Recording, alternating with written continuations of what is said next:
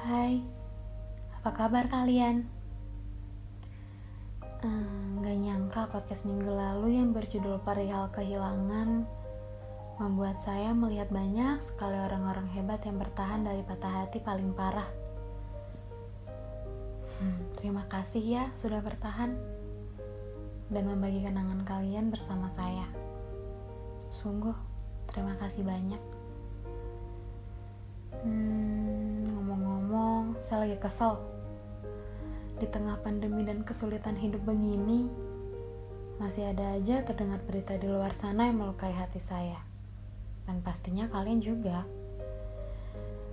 Di saat semua orang berbondong-bondong menebar kebaikan, saling memberi kekuatan, berpegangan tangan untuk bertahan.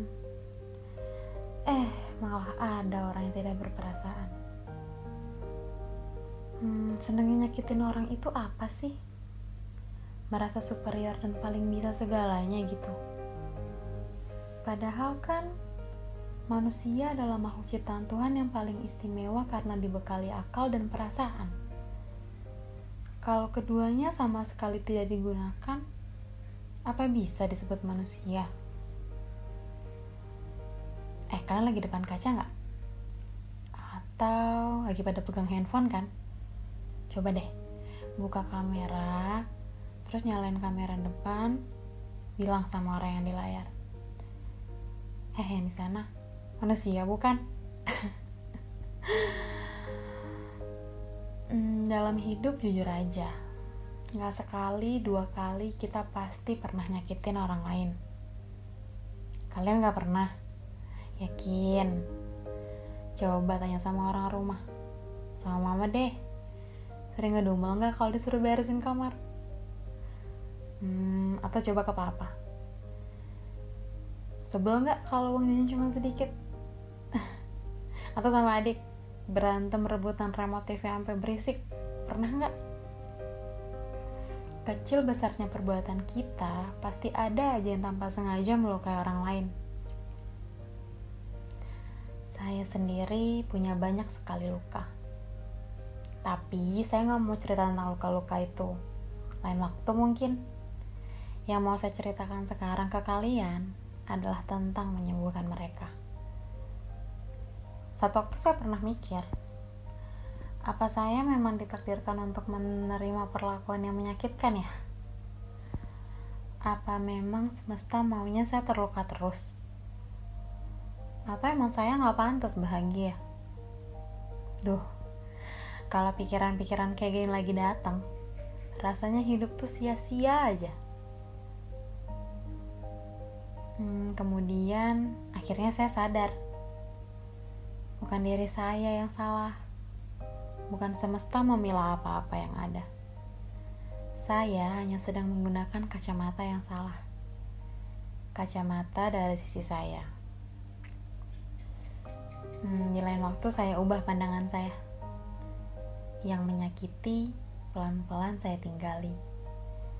Yang membuat luka, perlahan buat saya rela. Saya lepas dengan rasa yang kemudian hari saya kenal dengan kata ikhlas. Wah, terlihat mudah ya saat dikatakan. Namun percayalah, proses paling berat saat mengikhlaskan adalah detik pertama memulainya. Rasanya tuh hati kayak dicabik-cabik. Sesaknya buat seluruh indera di tubuh rusak. Parah. Ikhlas ini tuh sama kayak rela. Mudahnya diucapin doang. Teorinya 100, praktiknya nol besar. Tapi ya namanya juga proses ya. Kalau nggak sakit, nggak akan buat kita jadi lebih dewasa. Ya kan? Eh, saya ngomong begini bukan berarti saya pakar banget loh masalah ilmu ikhlas. Enggak. Enggak ada yang pernah benar-benar jadi ahli dalam urusan mengikhlaskan. Itu pelajaran seumur hidup. Terus, abis ikhlas, emang masalah hidup kelar gitu? Ya enggak lah. Tapi ikhlas mengajarkan masalah apa pun yang datang kemudian akan membuat pertahanan diri kita makin tidak tergoyahkan. Bakal makin sering mengelus dada sembari bilang, Gak apa-apa, sebentar lagi juga berlalu. Kemudian luka lama juga tidak pernah benar-benar hilang loh. Bekasnya masih ada di sana, di hati dan ingatan kita. Bedanya, dengan ikhlas kita sama-sama tahu. Kamu, saya, dia, atau siapa pun akan hidup baik-baik saja walaupun keadaan sedang tidak baik-baik saja.